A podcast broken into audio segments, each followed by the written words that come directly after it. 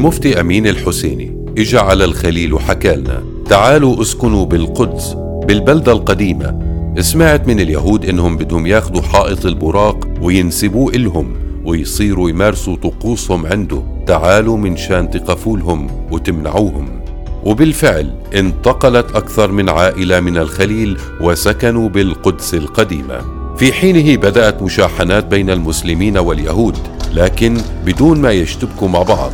ضل هالحكي لحد ما شفنا اليهود طالعين مظاهرة بتاريخ 14 8 1929 وبعدها بيوم طلعوا كمان مرة. كانوا أكثر من المرة الأولى بعشر مرات. ما عرفنا من وين إجوا. كانوا كثار. راحوا على حائط البراق وبلشوا يغنوا ويسبوا على المسلمين ويرقصوا ويمارسوا طقوسهم. وللمصادفة بعدها بيوم بتاريخ 16 8 1929 ذكرى المولد النبوي الشريف. وإحنا بدنا نصلي وحائط البراق جزء من الأقصى وهؤلاء بيمارسوا طقوسهم عنده. كان لازم نجد حل معهم لأنه هالحائط إلنا ولا يحق لأحد مش مسلم يقرب منه. وبالفعل اطلعنا عليهم وقدرنا نحشرهم وشنينا حرب عليهم. قتلنا أكثر من خمسين واحد. وكان عندهم إصابات أكثر من ستين واحد. قاومناهم ومنعناهم لكن الاستعمار البريطاني بهذاك الوقت بلش يعتقل فينا. اعتقلوا منا 26 واحد وحكمونا بالإعدام.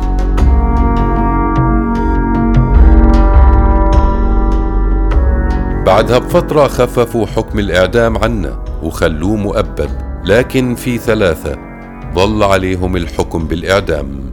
هؤلاء الثلاثة كانوا زي النجمة بالسماء مبينين للاستعمار والاستعمار كان بده يتخلص منهم بأي شكل. الشباب هم. كانوا ثلاثة رجال سابقوا على الموت. أقدامهم عليت فوق رقبة الجلال. وصاروا مثل يا خال طول وعرض البلاد. فؤاد حجازي من صفد أصغرهم عمره 26 عاما وخريج من الجامعة الأمريكية ببيروت. كان معروف إنه بخافش وجريء وبهداك اليوم يمكن قتل لحاله ثلاثين صهيونيا. كان واضح إنه لازم يتخلصوا منه. محمد جمجوم من الخليل. كان عمره 28 عاما. كان معروف إنه بيناهض كل اللي بيبيع أرضه ليهودي وكان يطلع ويسب على اللي بيشتري أراضي الفلسطينيين واللي بيبيعها واللي بيسرقها. كان يضل يحتج دائما وكان لازم الاستعمار يتخلص منه. وأنا عطى الزير من الخليل. كنت أكبر واحد فيهم 35 عاما. بشتغل زراعة ومهن. بقرأ وبكتب على الخفيف مش كتير لكني كنت قوي البنية شديد البأس. كان مبين إنه لازم ننعدم بأي طريقة وهي إجت قصة ثورة البراق حجة. حكمونا إعدام وانسجنا بسجن عكا. لبسونا بدلات حمراء وسمحوا لنا بالزيارة لمدة ساعة. كان يجي الزوار يعزونا ويشدوا من عزمنا. طلبت حنا وتحنيت أنا ومحمد لأنه كنا عرسان هذيك الليلة زي ما بيحكوا بالخليل. وصرت أغني بالسجن.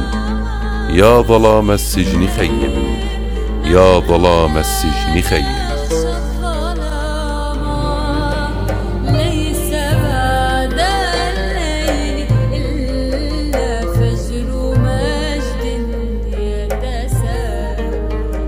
فؤاد حجازي كتب وصية بخط إيده وأعطاها لأهله. كان مكتوب فيها إن يوم شنقي يوم سرور وابتهاج. ويجب أن يقام في كل عام في مثل هذا اليوم فرح وسرور وأن هذا اليوم هو يوم تاريخي تلقى فيه الخطب والأناشيد على ذكرى دمائنا المهروقة في سبيل فلسطين والقضية العربية ونشروها في جريدة اليرموك. كانوا مقررين يعدمونا بالدور بلشوا بفؤاد حجازي وأعدموه. ثاني واحد كان محمد جمجوم بس أنا حكيت له خليني قبلك. والله كنا نتسابق مع بعض على الموت ولأنه جسمي وبنيتي قوية كسرت الحديدة اللي كانت على إيدي وركضت على حبل المشنقة قبل محمد جمجوم وحطيت راسي بالحبل من شان يعدموني قبل وأعدمونا الثلاثة.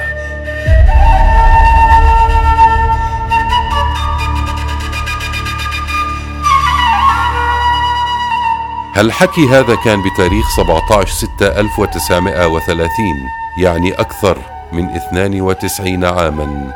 وحكم الإعدام نفذ في التاسعة مساء. هالحكي كان كأنه مبارح.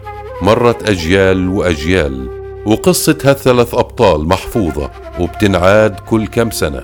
كثير ناس أحيوا هالذكرى بنفس الطريقة وكانوا شهداء لنفس الغاية. كثير ناس على خطانة تسابقوا على الموت عشان يوصلوا رسالة إنه كل شهدائنا قدموا أرواحهم لأجل فكرة. جمجوم وحجازي والزير قدموا أرواحهم دفاعا عن حائط البراق وأكدوا لنا إنه حائط البراق إلنا والشهيد بيموت جسده. بس فكره ومقاومته بتضل عايشة وبتنولد أجيال وراه. راح تمشي على نفس الطريق وراح تغني من سجن عكا وطلعت جنازة. من سجن عكا وطلعت جنازي محمد جمجوم وفؤاد حجازي.